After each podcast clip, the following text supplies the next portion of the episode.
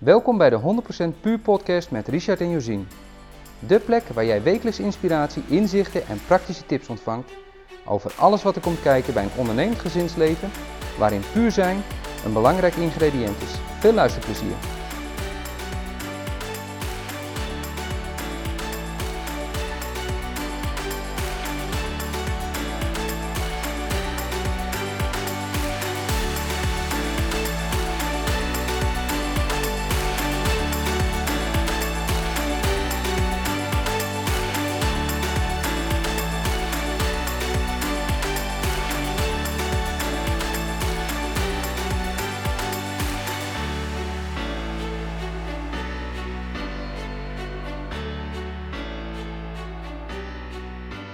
Op reis deel 2, Richard. En we zijn alweer thuis, want het lukte niet echt onderweg hè, in de auto. We hebben het geprobeerd, maar het ging niet goed. Nee, we werden elke keer gestoord. Past ook wel een beetje bij onderweg. Ja, er gebeurt van alles onderweg, toch? Ja, dat klopt. Spuugend kind in de auto of eh, koerswijziging. Ja, en dan aankomen of eh, heel veel wind. Ja, klopt ja. Het waaide zo hard en dan ging jij zeg maar onderweg met je handen praten. In plaats van je handen aan het sturen houden. Wat ook leuke situaties met zich meebracht. Nee. Niet dat we enige gevaarlijke situatie eh, hebben meegemaakt, maar gewoon jouw reactie op zich daarop is wel leuk, of niet? Die zit toch ook in die podcast? Vorige, dacht ik. Volgens mij wel. Nou ja, zo niet dan toch. Nu weten ze het. In ieder geval, eh, we probeerden dus deel 2 op te nemen terwijl we in de auto zaten in onze witte huurbus. Maar dat eh, lukte gewoon niet. We begonnen meerdere keren overnieuw. Maar zoals ze soms heel goed slapen in de auto en stil zijn, zo was dat toen niet. Dat was het laatste stukje van Spanje naar Portugal weer. En ehm, ja, dus dat hebben, we nog, hebben jullie nog te goed. Ja, en wat hebben we meegemaakt op vakantie? Nou, we zijn de laatste week kwamen we natuurlijk in Portugal terecht.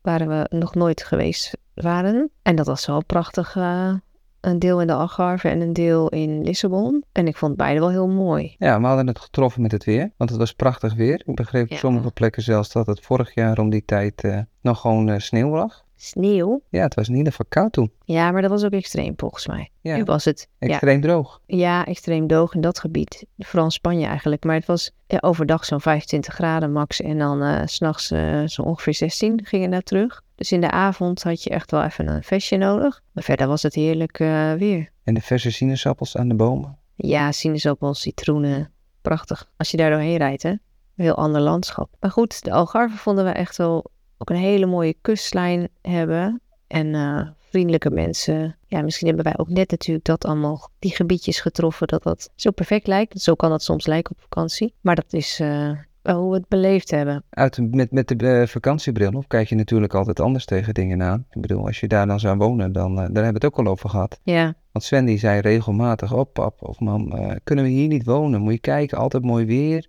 ja waarom wonen we in Nederland? Landschap, waarom wonen wij in Nederland? En als je er dan over hebt van, ja, maar als je daar woont, dan heb je dus wel te maken met, nou, ook gewoon je werk, je dagelijkse dingen. Ja. Als je daar op het land bent, hoe kom je aan water? Eh, je moet je sinaasappels plukken. Dan is het leven ook weer anders. Heb je weer een andere bril op waarmee je naar het leven kijkt. Klopt, ik weet nog dat ik dus net terug was en toen vroeg ik aan een gezin wat ik ken, wat uit Portugal komt. Hoe komt het? Waarom, wat doen jullie vreedzaam hier? Waarom woon je in Nederland? Het is toch veel mooiere natuur en nou ja, het weer natuurlijk, het klimaat. En toen zei hij, ja, ja, dat klopt allemaal wel, maar ja, ja het, eh, het werk hè, is gewoon eh, slecht betaald en ehm, weinig, of weinig werk, we- hard werk zeg maar. Dus als je inderdaad in die boomgaard moet lopen in de snikhitte, dan moet ik zeggen dat ik hier ook niet graag in Nederland in de kast zou lopen als de zon erop schijnt. Wij wonen natuurlijk in een kassengebied. Dat, dat lijkt me ook, vind ik ook echt heel knap. Als je dat de dag in dag uit volhoudt. Maar ja, zo is het in Portugal natuurlijk ook niet allemaal roze kleur en maneschijn. Maar als je toerist, als je dat dan zo ervaart, was het echt wel een mooi land. Ja, het is schitterend land. Een stukje wat wij gezien hebben. We zouden graag nog een keer teruggaan.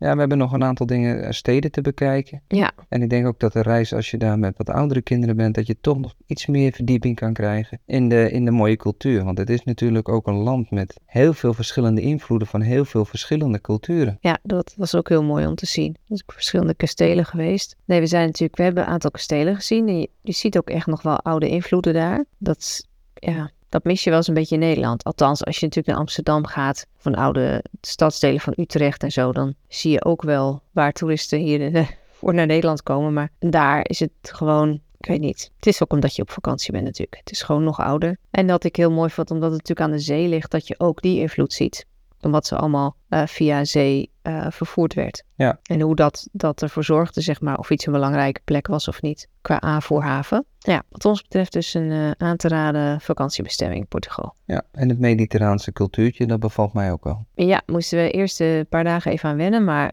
Um, Siesta. Ja. ja. Tussen 12 en 2 gewoon helemaal niks. Ja, maar ik vind wel dat daardoor worden je avonden wel laat. Ik hou natuurlijk ook wel van de vroege ochtend als de wereld nog slaapt. De kans dat je als je de avond laat maakt daar nog ruimte voor hebt is dan weer wat kleiner. Of je moet dat tussen de middag wat inhalen, ik weet het ook niet. Ja, maar dat is denk ik het idee van de siesta. Dus vroeg opstaan ja, en die uren pakken. En dan op het warmste van de dag rust hebben. Ja. Om vervolgens weer het tweede gedeelte in te gaan. Op zich vond ik het niet zo gek hoor. Nee, nou ja, we hebben het een beetje aangesnoven.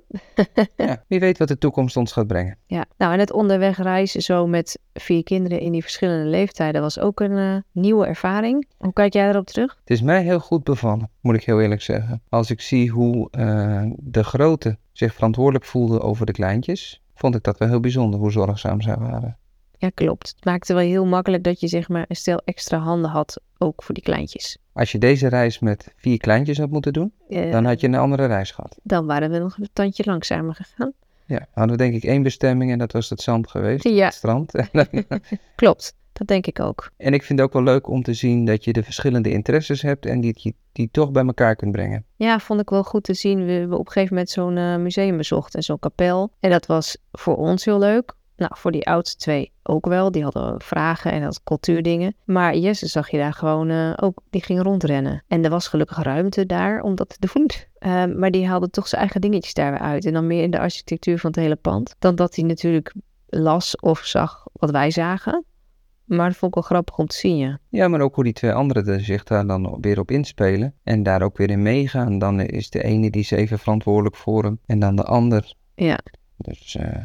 Ja, ik kijk daar heel positief op terug uh, om, om deze reis zo te maken met je gezin. Ook om te zien welke dynamiek er was. Ja, ook toen Jesse ziek was, dat je toch ziet dat die twee oudsten weer uh, zorgzaam worden, verantwoordelijkheid uh, daarin nemen. En dus ook weer een tandje terug kunnen doen om rekening te houden met die kleintjes. Ja, ja, ja, sowieso. Hè? Als je op reis bent met elkaar, dat, vond, dat vond, is mij heel erg bijgebleven. We hebben natuurlijk uh, vier jaar lang niet echt gereisd met elkaar. Um, de laatste keer dat we dit deden was in begin 2019, toen ik natuurlijk zwanger was van Jesse. Dat je nu in zo'n andere samenstelling, of nieuwe samenstelling, um, dat je best wel weer moet aanpassen. En uh, het stukje wat we gekscherend zeggen wij, we hebben die jongste twee wel heel veel gedragen. Dat is ook zo. Maar daardoor konden ze wel ook gewoon mee in alles. En ze gingen, ze gingen ook gewoon slapen in het ritme dat wij aanhielden. Op zich is me dat meegevallen, moet ik eerlijk zeggen. Ja, jij kijkt er wat meer tegenop? Ja, ja ik, nou, het was voor mij een beetje een vraagteken van ja, hoe gaat dat? De jongste twee zijn gewoon wat dat betreft nog nooit mee geweest met je op vakantie. En wat ik heel mooi vond was om dus al die dingen weer door Jesse's ogen te zien. Dat was allemaal nieuw voor hem. Dat vond ik heel leuk. Van, oh, dit, weet je wel, die oprechte... Vliegtuig.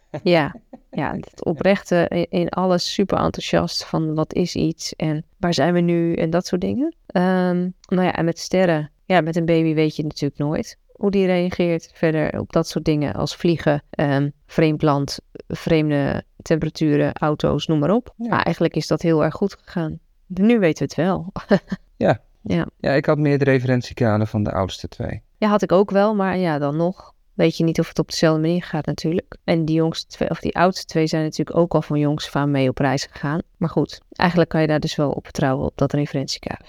ja. ja, en ik denk ook de manier waarop we erin zijn gaan staan. Ik bedoel, we hadden in eerste instantie dat we de vakantie aan het plannen waren, hadden we best wel een druk schema. Ik geloof dat we drie keer zoveel dingen er bijna in hadden zitten als nu. Ja, ja, ja. ja. Qua steden bekijken en voor mij hadden we iedere dag wel een reisdag of zo, of om de dag. Om de, ja, we hadden, we hadden te veel gepland. En we werden ook een beetje teruggefloten door diegene die de accommodaties gezocht had, Daphne van de Travel Club. Dat was, dat was wel goed ook. Dat ze zeiden, ja, keurig gedaan. Ja, zou je dat wel doen of... Uh, ja. Terwijl ze ons wel helemaal de vrijheid gunnen om dat te doen hoor. Maar ja. het was een paar slim, slimme aanpassingen gemaakt. Ja, aanleiding, goed advies. Uh, ja, van haar advies. En als je dan ziet, hè, dan, uh, want, want toen we Portugal binnenkwamen bij uh, Albufeira, was Jesse ziek. Ja. En toen moesten we in één keer de plannen omgooien. Want we hadden van alles dat we daar wilden zien. En dan zit je dus op een park met een ziek kind. Ja, maar we zaten wel precies op de goede plek, denk ik. Want we zaten daar op een soort van resort. Hè, met zwembad voor de deur. En uh, dat stadje had ook eigenlijk alles, uh, was dichtbij. Dus het was, ja,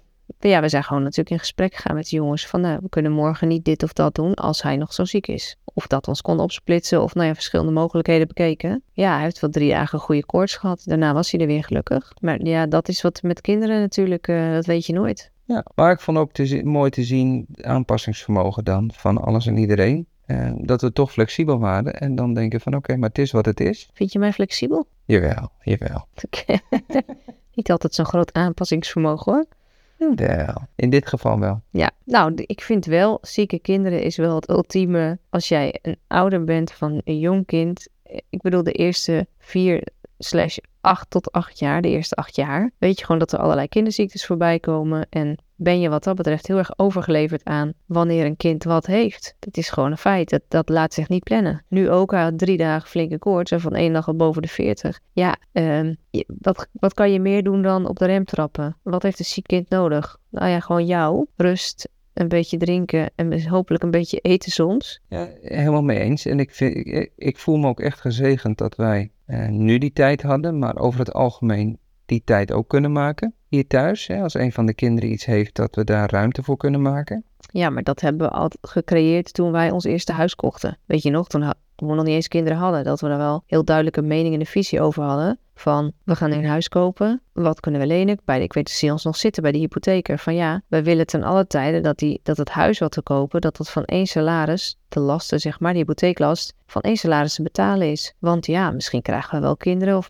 of misschien helemaal niet, maar gebeurt er met een van de twee wat, weet je wel? Ja, we hebben altijd gezegd, we willen niet tot ons nek erin toe zitten. Nee, maar dus ook dat je in, weet je wel, toen die keuze maakte van, nou ja, dan, ja, je had ook een ander soort huis kunnen kopen toen de tijd. Ja, ja, ja. Maar dan had je allebei, we werkten natuurlijk fulltime. En dat was nog in de tijd dat het ook gewoon, het liefst werd de volle bak geleend. Ik ben heel blij dat we dat niet gedaan hebben. Ja, wij leefden toen echt als dinkies, hè? Dinkies? Double income, no kids.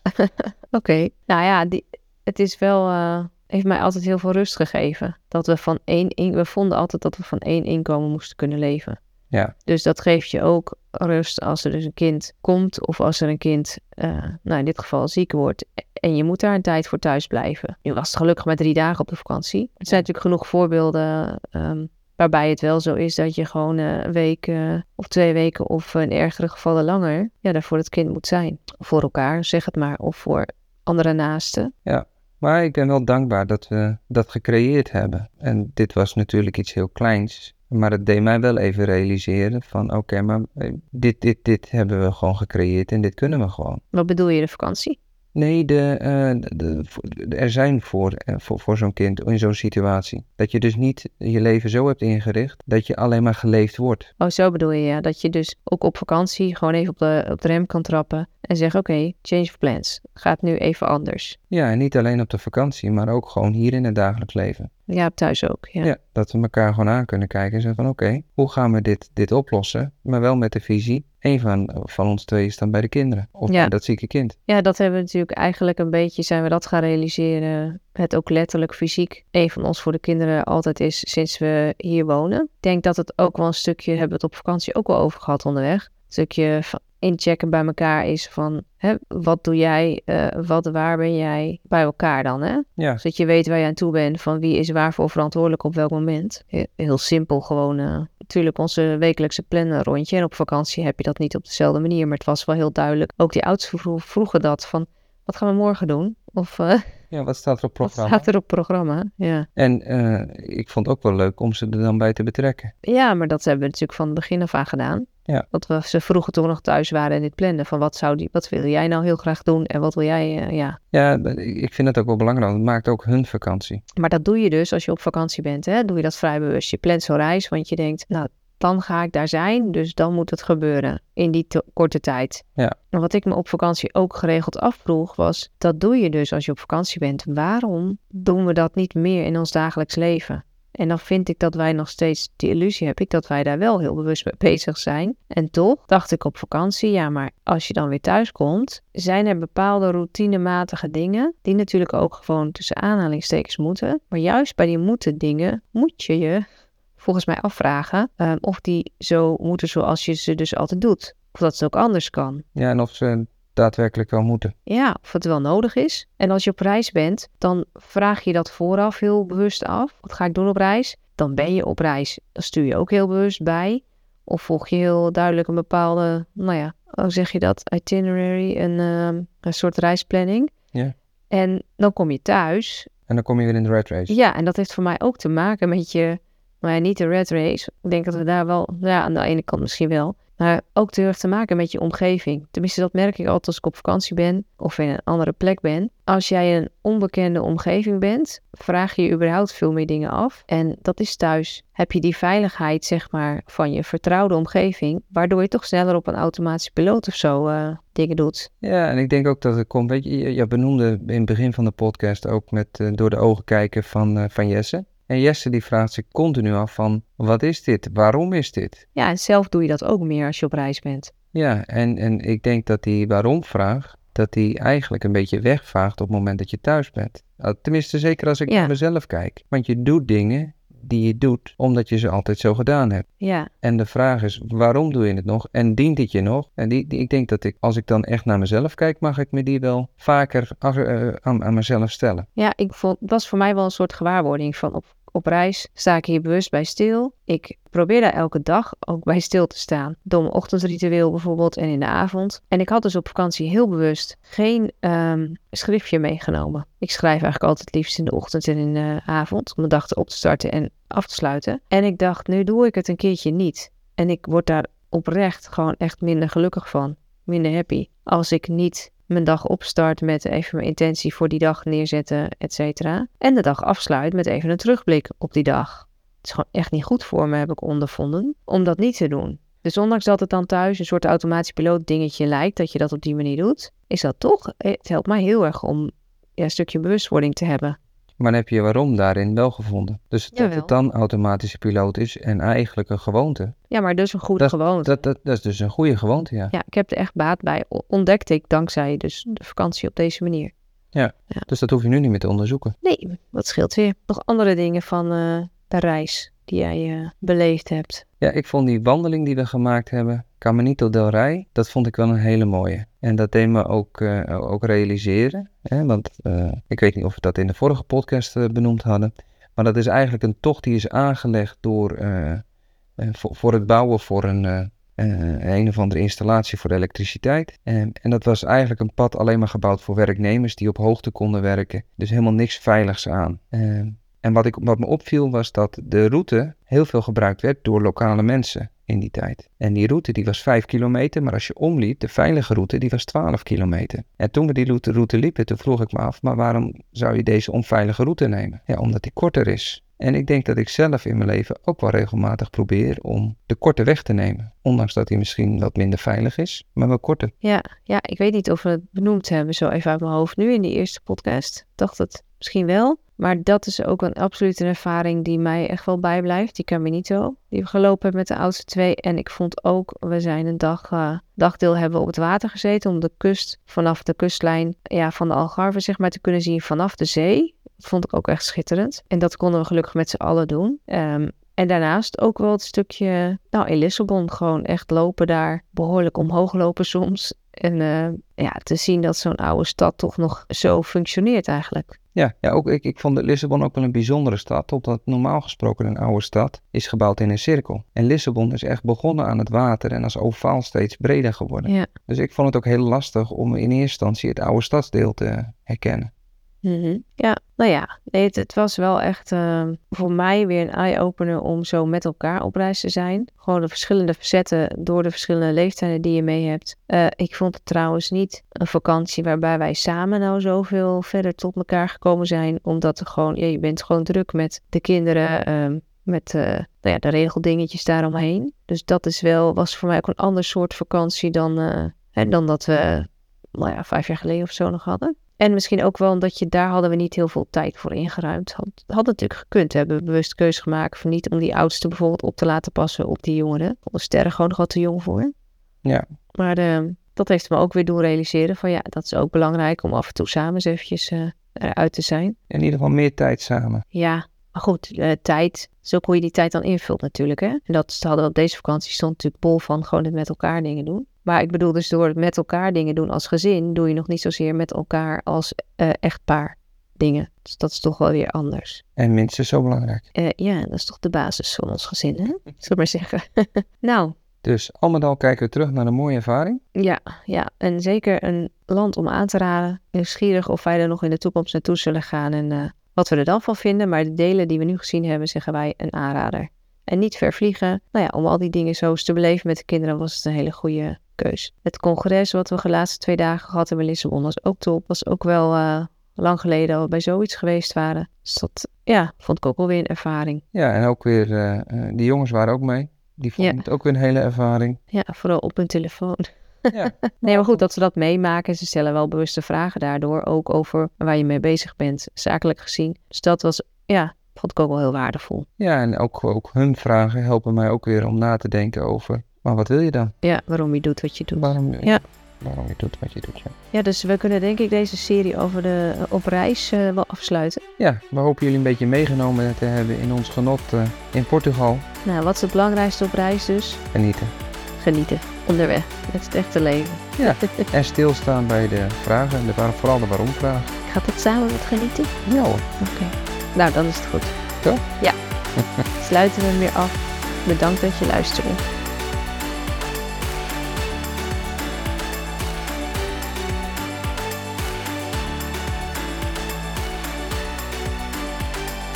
Ontzettend bedankt dat je luisterde naar deze aflevering. Ben je enthousiast geworden over deze podcast? Dan zouden we het heel erg waarderen als je een review achterlaat via de podcast-app waarmee jij luistert. Ook kan je je abonneren op onze podcast, zodat je telkens wanneer er een nieuwe aflevering online staat, direct op de hoogte bent. Heb je tijdens het luisteren naar de podcast gedacht aan iemand die ook wel een portie puur kan gebruiken? Je kunt de podcast dan delen via social media of gewoon de link kopiëren en doorsturen naar diegene. Misschien ben je zover dat je zelf graag actie wilt ondernemen voor een 100% puur leven. Download in dat geval gratis ons stappenplan via www.pureolium.nl/podcast. Dat is www.pureolien.nl schuine streep naar voren P-O-D-C-A-S-T. Tot de volgende keer!